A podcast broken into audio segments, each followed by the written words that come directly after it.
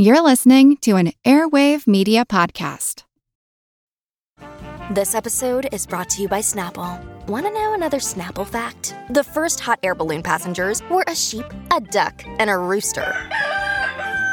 Ridiculous. Check out snapple.com to find ridiculously flavored Snapple near you. It's time for today's Lucky Land horoscope with Victoria Cash. Life's gotten mundane, so shake up the daily routine and be adventurous with a trip to Lucky Land. You know what they say. Your chance to win starts with a spin. So go to LuckyLandSlots.com to play over 100 social casino-style games for free for your chance to redeem some serious prizes. Get lucky today at LuckyLandSlots.com. Available to players in the U.S., excluding Washington and Michigan. No purchase necessary. VGW Group. Void where prohibited by law. 18 plus. Terms and conditions apply. This is Kick-Ass Politics. I'm Ben Mathis.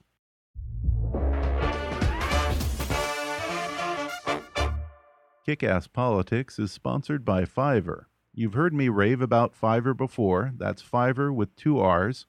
Fiverr is the world's largest online marketplace for services with over 100 categories all offered at a fixed base price of just 5 bucks. Logo design, business consulting, marketing, business cards and stationery, web design, translation, proofreading, legal consulting, and just about any other service you can imagine, all offered at a fixed base price of just 5 bucks. And right now, if you go to kickasspolitics.com and click on the Fiverr ad on our sponsor page, you'll be showing your support for the show and you'll get some great offers on services tailored to your needs. Whatever you need done, find it on Fiverr. And before we start the show, I want to ask for you, the listeners' help with a special project. Over the next few weeks, we're going to be doing a listener survey to get a better idea of who our audience is. No matter how long you've been a listener or how frequently you listen to the show, we'd like to get to know you better and what you want.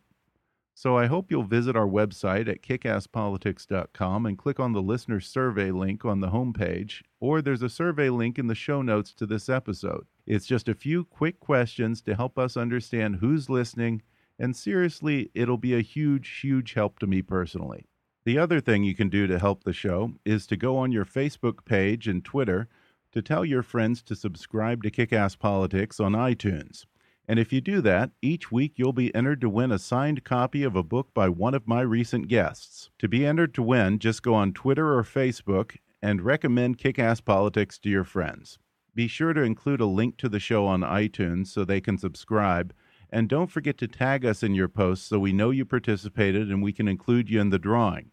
And hey, if you want to double your chances of winning, then promote the show on both Facebook and Twitter. In fact, you'll be entered to win for every time that you recommend Kick Ass Politics to your friends on your social media. Just help me gain some new listeners, and you'll have a shot at winning a cool prize every week.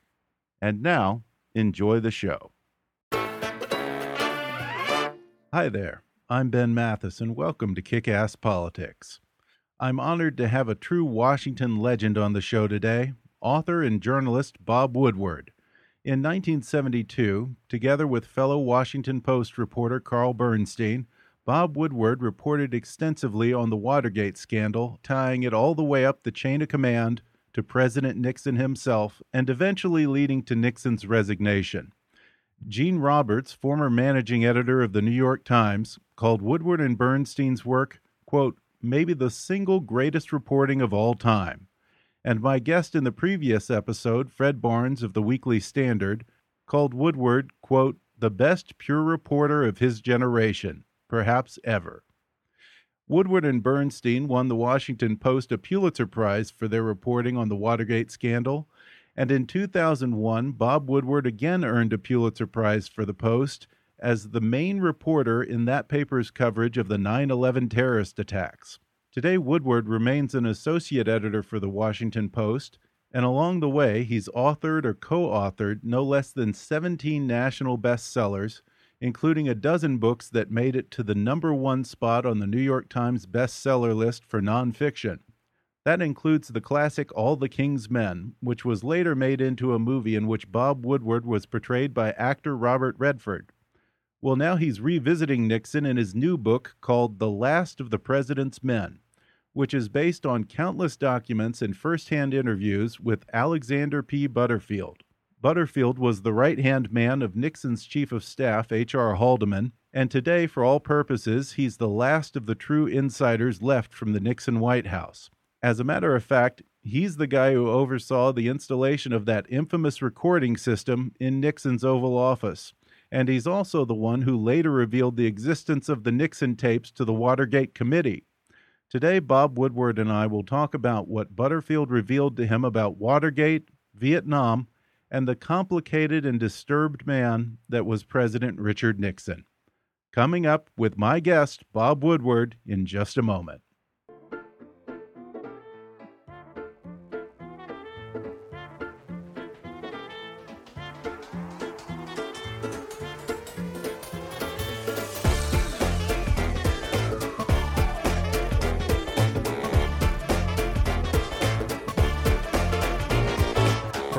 Hollywood to Washington, it's time for Kick Ass Politics. And now here's your host, Ben Mathis. Today I'm joined over the phone by two time Pulitzer Prize winning author and journalist Bob Woodward. He has had a dozen number one New York Times bestsellers, but he will forever be known as the man who, with his former colleague at the Washington Post, Carl Bernstein, broke the Watergate scandal that brought down Richard Nixon. Well, now he's returning to his roots in a way with his latest book, The Last of the President's Men, which chronicles the White House career of Alexander Butterfield, who was one of Nixon's closest lieutenants and the man who oversaw the installation of the infamous taping system in the Oval Office and subsequently revealed it to the Watergate Committee. Uh, Bob, thanks for coming on the show to talk about this fascinating book. Thank you. Uh, the book is about a man named Alexander P. Butterfield, who, when Nixon first got elected, I believe he was an Air Force colonel, colonel. who was stationed, yeah. uh, colonel who was stationed right. in Australia, and then thanks to luck and an old college acquaintance, he ends up in the inner circle of the most corrupt president of the 20th century. Talk about who Alexander Butterfield is and how he yeah, came to the White House. What um, he he was he had this front row seat in the Nixon White House because he was Haldeman, Haldeman being the chief of staff, his deputy, and did a lot of the little chores for Nixon and had the office right next to Nixon's Oval Office and had a door uh, where he could go in at any time or Nixon could come see him and, and make these requests. So it's it's in a way the perfect witness. And seeing there were no secret tapes for the first two years, Butterfield, who is now 89, still has a fabulous, detailed memory. Was kind of the tape recorder. So what he is provided, not only from the recollections in his story, story never told before, but 20 boxes of documents that he uh, lifted from the White House, and some of them contain uh, original documents and things that have uh, never been seen before that are not in the libraries or the archives. And it's in, in particularly uh, the Vietnam, the management of the Vietnam War. It shows the other side of Watergate. Watergate being, I'll get reelected at any cost spy, sabotage uh, the Democrats. Also, we find he was managing the Vietnam War with an eye to to reelection. There's one particular memo where Nixon takes a top secret document Kissinger has sent him and writes a personal note to Kissinger, his national security advisor, saying, We've done all this years of bombing and the result, zilch. It's a total failure. And of course, we now know that Nixon had that right, but publicly he was declaring it was very effective and always a necessary pillar of his Vietnam War strategy. But yeah. even realizing that it wasn't working in the year 1972 when he was running for reelection, he intensified the bombing and uh, I, having served in the Navy during the Vietnam era, uh, having followed Vietnam closely and Nixon, I, I was really shocked by well, I think yeah. level of corruption. Yeah, yeah, uh, outside of the personal revelations about Nixon as a man that come out in this book, I think this is the most uh, shocking and extraordinary thing that comes up is this memo that apparently no one else had uh, that Butterfield just magically produced for you, and it's amazing because you talk about how uh, this he he said this a day after he went on with Dan Rather and said that the bombings were working. A day later he's writing notes to, to Kissinger saying, in his own words, it's a failure. The result from dropping 2.9 million tons of bombs in Laos and North Vietnam was, in, again, in his own words, zilch. He tells Kissinger he wants a Barkov study within two weeks and a no snow job. Uh, otherwise, continued operations make no sense. Were you more outraged that he said this a day after he went on Dan Rather and said that the bombings were working? Or were you more outraged that he finally seemed to get it in this memo and call for a change of course, but then absolutely nothing came from it? Well, both. Uh, uh, there is a sacred, unsigned contract between the commander in chief and everyone, millions of people in the military at that time, that you do your job, I'll do my job. And the commander in chief's job is to manage the war, to win it, and to protect all of the servicemen, and to not kill people unnecessarily. And the, the wanton bombing of Vietnam uh, was, uh, you know, there really aren't words to describe it, and it's.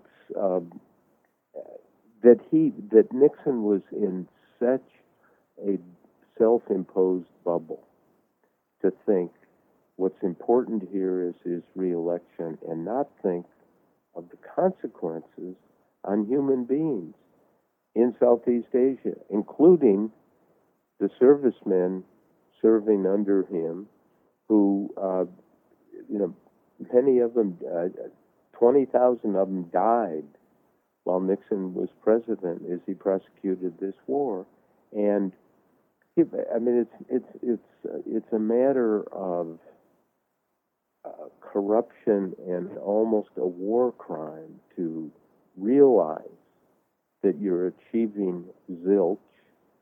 Virtually all the combat troops are out. The war is lost. It's over. But it's continued for the purpose of reelection saving face, peace with honor was the goal. Well, where is the honor in this? There's none. Well, who would you blame more for not following up on that memo? Was it Kissinger's fault? Was it his failing, or was it Nixon for not insisting beyond that one memo for more accountability and a change of strategy? Well, ultimately, the president's responsible. Now, I asked Kissinger about this. He said he did not uh, recall the specific memo. I've authenticated it, by the way. It is definitely le- legitimate and definitely in Nixon's own handwriting. But uh, the the president, can, you know, has to follow through if something isn't done. When I asked Kissinger, he said, "Well, things came in requests, and sometimes they meant something, and sometimes they didn't." Well, I mean, my my God, what what was what was going on here? Suppose, as Butterfield, uh, I asked Butterfield, suppose this was known at the time. Again, this is beyond words, in my estimation. It would have been a huge scandal, I'm sure. Well, it would have been a, a kind of, uh, I mean, it would have been, it would have been a scandal would have been, you know, there's a moral dimension to being president. And uh, that's what Watergate was about the lack of morality and the law breaking and the criminality. But when you are in a war, I mean, we are now in wars.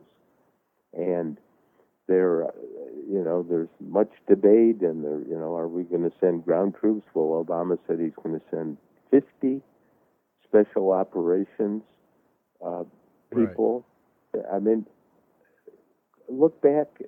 Don't we know history and history? And, and, and John F. Kennedy started out the engagement in Vietnam incrementally, baby steps of troops here, advisors here, oh, combat troops here, or and what what uh, where don't we learn and understand and think about this? So in in many ways, in every way, this book is about Nixon, but it's also a warning.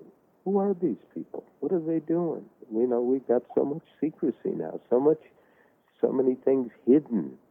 Uh, I think people are getting sick and tired of the hidden. Let's have a little transparency. Let's explain what people are really doing. And this the presidential campaign. Who are these people? We know a lot. Uh, in my view, not enough. Well, do you? I'm curious. Do you think that there's more secrecy today than there was back during Watergate? Well, there was criminality being concealed. Right. And we we have, uh, to my knowledge, no evidence of outright criminality. We have a lot of questions, a lot of you know FBI investigation of Hillary Clinton's emails. Seven hundred of them turns out have classified information, and you know the defense. Well, it wasn't marked classified. Come on, I mean, your Secretary of State, you know what's, you know, generally speaking, what's classified and what's serious and uh, what should be protected. And when the FBI investigates, that's not to issue a general accounting office report and slap people on the wrist. They investigate possible crimes. Now, we don't know, and she's entitled to due process and no rush to judgment, but it's it's going on, and we've got a war going on. Yeah. So we've got kind of uh, pre-scandal, and we've got all these wars, and how are they being managed? For what purpose? What are we being told? Yeah. Does it make sense? The uh, anyway. Well, yeah, and you know, well, I guess uh, we we got a we got a little off topic in some ways here, but I want to go with this because I'm I'm curious. sorry. I'm very. Oh no, no, no, no, no. I'm I'm I'm curious now. I, I have to ask then, uh, with the Hillary email situation, your gut as a reporter. Do you think there's a smoking gun there? Do you think there's a there there? I, I do not know, and you, you know, smoking gun is, you know, uh, uh, very clear evidence of wrongdoing or a crime, and uh, you know, who knows that? I Yeah. don't. Well, you know, getting back to Nixon, and we were just talking about uh, Kissinger and the war here. Um, the book talks about the relationship between Henry Kissinger and Richard Nixon. You know, that's often been portrayed as this deep friendship, but that's not really what I got from reading this book. How would you characterize that complicated relationship between the president and his national security advisor, Henry Kissinger? Well, I have scenes where uh, Nixon is on the helicopter waiting for Kissinger and sends Butterfield to go go get him. And I mean, he's like a babysitter. He go, Henry, for Christ's sakes, let's get. You know, the president's waiting, Right. and Kissinger runs. Oh yeah, I'm on my way. And then uh, Nixon calls in Butterfield and says, "Okay, I want you to talk to Kissinger." And uh, his deputy Al Haig about all these things. I uh, he's he keeps me waiting. He barges into the Oval Office, and if, actually Nixon timed. He said at one point there there was he had to get someone to call Kissinger seven times to get him to come. Another time, three times. I mean, they're you know they're the president's putting a stopwatch on his aides. Uh, you know, why? Where's the control here? Why can't you just say, Henry? You know, damn it, you, I need you to be on time every time. And, but you know, again, there's this kind of wishy-washy. What are the relationships? What are what are the purposes? What now, Kissinger telling me? You know, well, Nixon would say things, and and sometimes they meant something, and sometimes they didn't. I mean, what what was going on? Yeah, it's in- interesting. For Yeah. what purpose? And uh, so, you know, this is this. I, I, as I was saying, I didn't expect to do another Nixon book, but here was all of this evidence, and it was a jolt to me, quite frankly. Yeah, it it, it was strange. It, that relationship's strange. And I got to say, there are a lot of strange things about that come out in this book that are just almost comical in their absurdity. Did Kissinger just think that he could he was too indispensable that he couldn't be fired, or that the president was too dependent on him? I don't know the answer to that. and uh, you know, it, it's what's the job of the president to figure out the next stage of good for a majority of people in the country, not a party, not an interest group, not his own reelection, but really presidents, as they have in the past, have done great things, important things for people, for the country.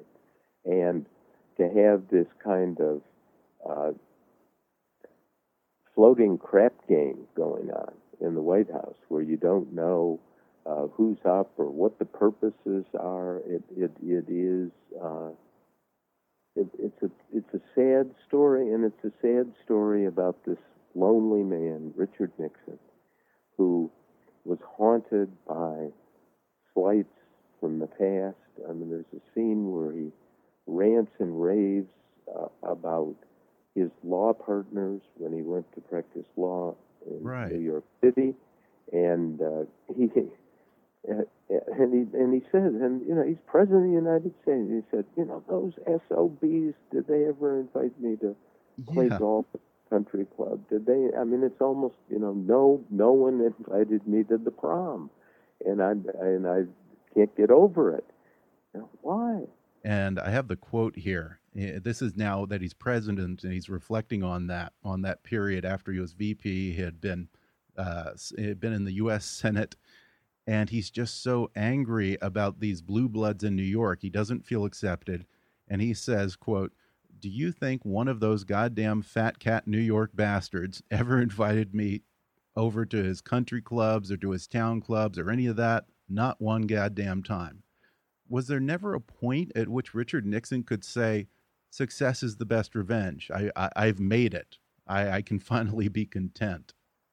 You would hope so, and and part of um, his the problem in all of this, when somebody's elected president, Nixon, Obama, you name them, there's a, an outpouring of goodwill from people, not just in the new president's political party, but the other party, because if the president does well, people have a better chance of doing well, and.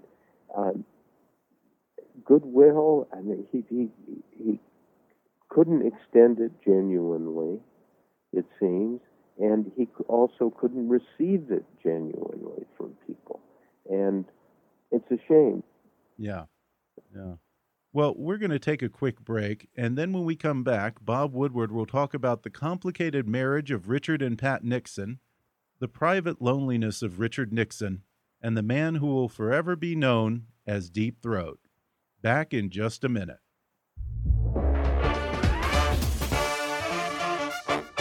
If you're enjoying my conversation with Bob Woodward, then check out his new book, The Last of the President's Men. And right now, you can download the audio version of this book for free with a special promotion for our listeners from audible.com.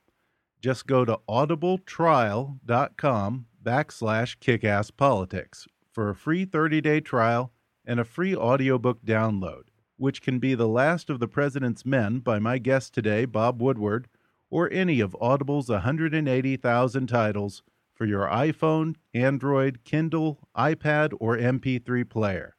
That's audibletrial.com backslash kickasspolitics.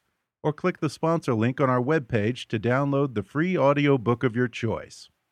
And if you like Kickass Politics and want to help keep us on the air, then please support the show by making a donation to our GoFundMe campaign at gofundme.com backslash kickasspolitics. Or go to the show website and click on the donate link.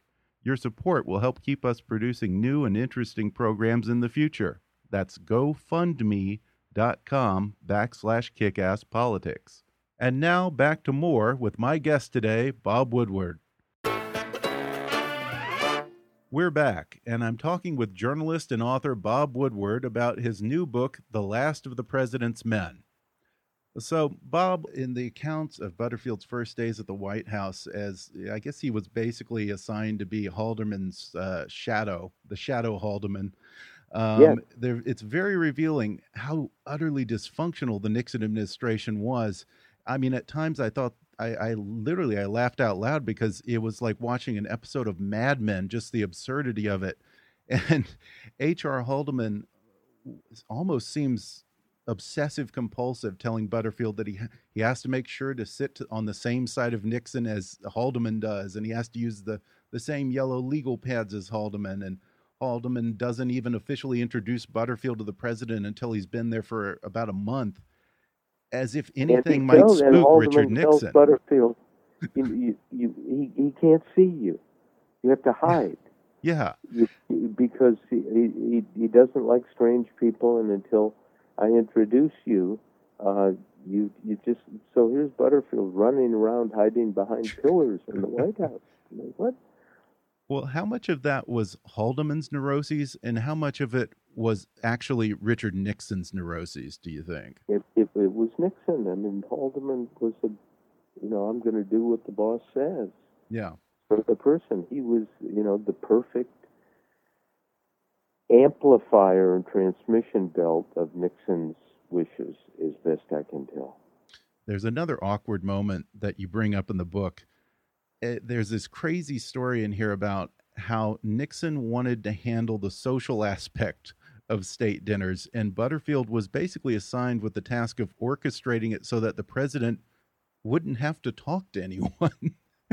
Can you Except talk five about how he managed that? designated, like Arnold Palmer. Yeah. One to talk to Arnold Palmer. So the social aides who are young military officers, male and female, the general who's the military assistant, and Butterfield kind of run a, a uh, flanking operation around Nixon to keep the other, as Nixon says, the SOBs who keep putting their faces in his, and uh, just bring in the five that he wanted to talk to. And then Nixon says to Butterfield, you know, ask Pat if she wants to do this at state dinners. And Pat Nixon, the first lady, is just aghast. Says, "Oh, come on, Alex, you can't be serious." says, "Yeah, well, the president wants to know if you want to do that." And then she says, "I no, I like to meet everyone." Yeah, it's so strange to imagine. Yeah, the the question that came up in my mind over and over again in reading this book is how does anyone who is so isolated and so incapable of relating to other human beings and so asocial, how does a man like that get to the point of being able to be elected to the highest office in America? Isn't it? I mean, it's it's utterly baffling. And clearly, what he did is he manufactured a other personality to be out there and be jovial and you know do the things that were required, but it, it wasn't real. He hated it clearly, and whenever he could opt to, and, and, as Butterfield tells, instead of the, at the end of the workday, Nixon going up to have dinner with his wife or have people in or something like that. They did some of that, but not. Nixon's favorite course was to walk over alone to the executive office buildings adjacent to the White House. He had an office there, and his manservant, Manolo, would give him a drink. Nixon would put his feet up on the stool, keep his jacket on, have his yellow legal pad. Manolo would cook dinner for him alone, and he would eat alone and have some wine or a scotch or something like that, and then come back, walk back to the residence at about 10:30. Well, you know, you're president. You know, you you can get anyone to come to dinner, and the only person you invite is yourself. Yeah, it's sad. And and you talk about how every day he also for lunch he would sit in basically a closet adjacent to the to the Oval Office and eat his cottage cheese by himself at a little desk. Right. Had to be a certain kind of large curd cottage cheese or small. I forget what, but there are a dozen memos on the kind, and and so um, you know what what what emerges is a story of a man who was crippled. Yeah. He he he just was not functioning. He was not relaxing. And to his credit, he did some positive things, and he he should you know receive acclaim for doing that. But you you see the jittery, haunted, inarticulate, lonely guy who was our leader, and then to, you know, to screw people and you know just do things who were close to people who were close to him, to ignore his wife repeatedly in front of Butterfield, asking, you know, Dick, let's take the girls to New York over Christmas. Or Arthur Burns, Nixon's good friend, economic counselor, didn't like some things Burns was doing and disagreeing with Nixon. So he has Butterfield call him up the day before the church service on Sunday that Burns and his wife loved to come. And here Butterfield is, you know, Arthur, uh, you're not invited. Well, Burns knew Butterfield wouldn't do that on it. It was straight from Nixon. Um, as part of Butterfield's duty, he acted kind of as a go between between President Nixon and the First Lady Pat Nixon. And in doing so, he talks about having quite a bit of sympathy for Pat Nixon and even outrage at how the president treated his own wife. He he described her as a borderline abused wife. Yeah, it comes off very cold. Um, in fact, it, you talk about this was amazing to me how when they would uh, travel to Key Biscayne, Florida, uh, for their regular vacations, they didn't just sleep in separate bedrooms; they had separate houses. Yeah. What was yeah. that relationship? Was it a marriage, a partnership, an arrangement of convenience? Well, uh, you know, it it it had those elements in it, uh, and but it, just from what Butterfield observed and what's on the record, I mean, he was not he was not loving and attentive to his wife. That's part of his responsibility as a husband, not as president, and uh, it's a shame. And somebody's one review of the book said, "Well, you just have to look at Nixon at Pat Nixon's funeral, and he's crying, hmm. and uh, if you look at that, you'll see how genuine it is, and I'm sure it was. But you can cry at your wife's funeral and still be somebody who has, is dismissive and cruel yeah. to your wife, and they're they're not contradictory, unfortunately.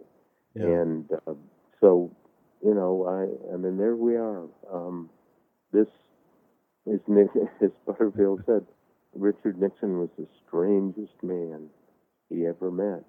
Yeah, and he did, one of the things that comes out that's the strangest was his relationship with certain girls in the secretarial pool and how he had a preference for certain women in the secretarial pool and there was but a weird relationship out, you there. know wouldn't say it directly to butterfield right but it, it was clear and then he made inappropriate advances on two of them and but you know they never led to anything they were never i mean it, it was it, it was sad, and it, again another sign of his loneliness. Yeah, because it talks about uh, when he would spend weekends at Camp David, he would bring his secretary along under the auspices of work, and then he would invite her to dinner, and then it would turn into this incredibly awkward failed attempt at seduction. it sounds yeah. like it doesn't sound like anything ever came of it. Yeah. But the the uh, assault on the Constitution, the electoral system through Watergate, the mismanagement of a war that still casts a shadow over our country, and how uh, it's you know, it's we we got cheated. Just about 10 years ago, it was finally revealed that the notorious Deep Throat was actually FBI Associate Director Mark Felt.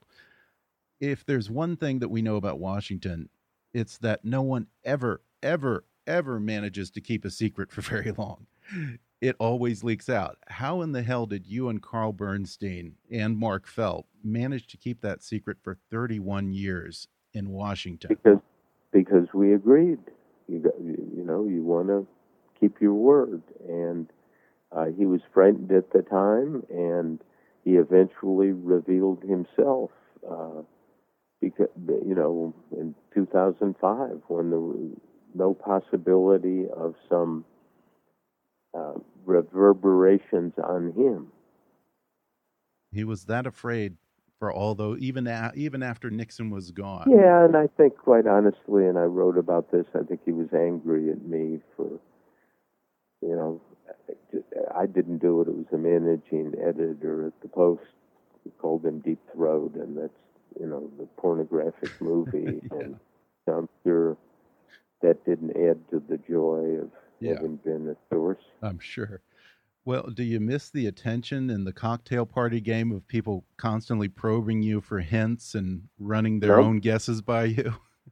Nope, no, I do not. No. um, I think it's it's actually a good thing that we know. Yeah.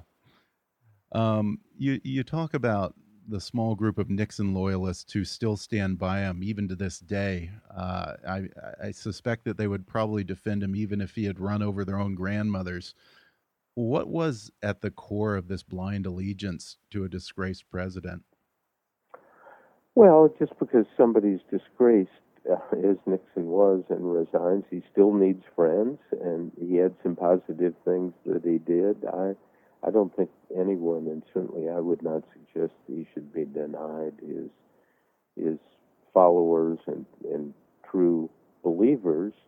Uh, I think uh, one of the facts that is overlooked in all of this is, is the Republicans who turned on Nixon. As Barry Goldwater told us, Nixon, too many lies, too many crimes.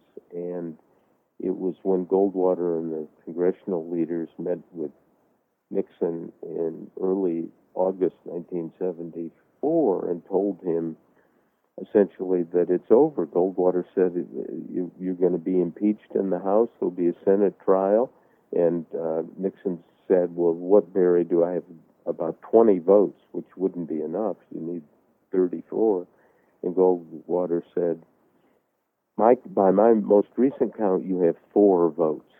That's it. And one of them is not mine. Huh. And the next day, Nixon announced his resignation. Yeah, pretty sad. Well, before we go, I'm just going to throw out some adjectives. You tell me yes, no, or I don't know if you think that they describe Richard Nixon. Intelligent. Oh yes, but uh, a, a an intelligence directed at his own political advancement, and I think intelligence broadly should include a definition of what he as president could do for others, and I think there was not enough focus on that. Yeah, yeah. Narcissistic. Sure. Paranoid. Mm-hmm. Hateful. At times, yes. Sad. I think a lot of this was sad. Yes. Bob Woodward, thank you so much for coming on the podcast. The book is The Last of the President's Men by Bob Woodward, and it's a terrific, terrific book. I wish you the very best of luck with this. Thanks so much. Good talking. Thanks for coming on the show. Great. Thanks again. Well, that's the show, folks. Thanks again to Bob Woodward. It was a real honor to have him on the show, and if our discussion piqued your interest, then you definitely should read his new book, The Last of the President's Men. I'll tell you, I enjoyed it a lot because it really gives a glimpse into the tortured soul that was Richard Nixon and the paranoia and dysfunction and outright malevolence that existed within his administration. It is a remarkably interesting book, and I highly recommend it. So I'm going to include an Amazon link where you can order the book in the show notes and on our website at kickasspolitics.com. And if you prefer to listen to the audio version of Bob Woodward's book, you can download the audiobook for free thanks to that special offer for our listeners from audible.com. Just go to audibletrial.com backslash kickasspolitics. and you can get a free 30 day trial and a free download of The Last of the President's Men or any of 180,000 titles. Be sure to subscribe to the show on iTunes and leave us a review.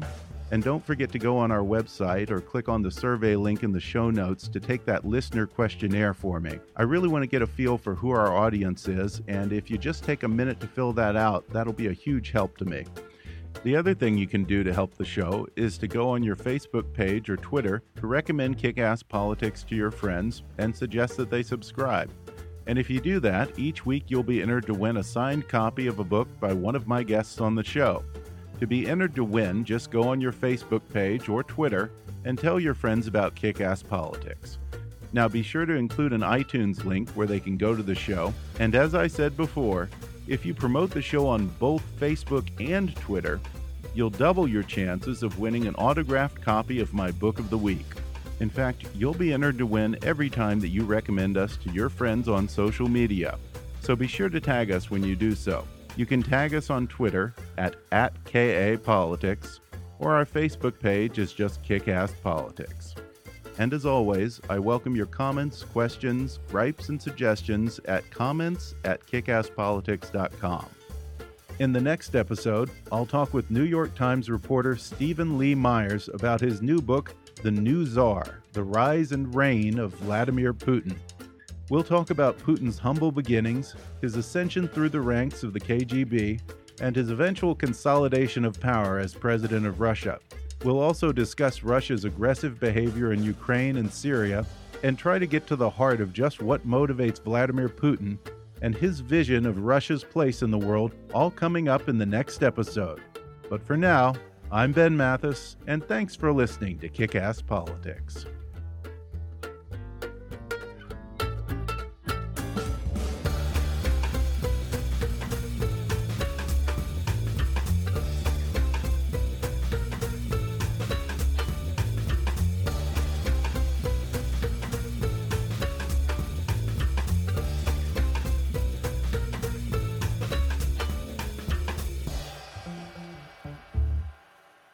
This podcast may not be reproduced without express written permission. Kick Ass Politics is a trademark of Mathis Entertainment, Inc.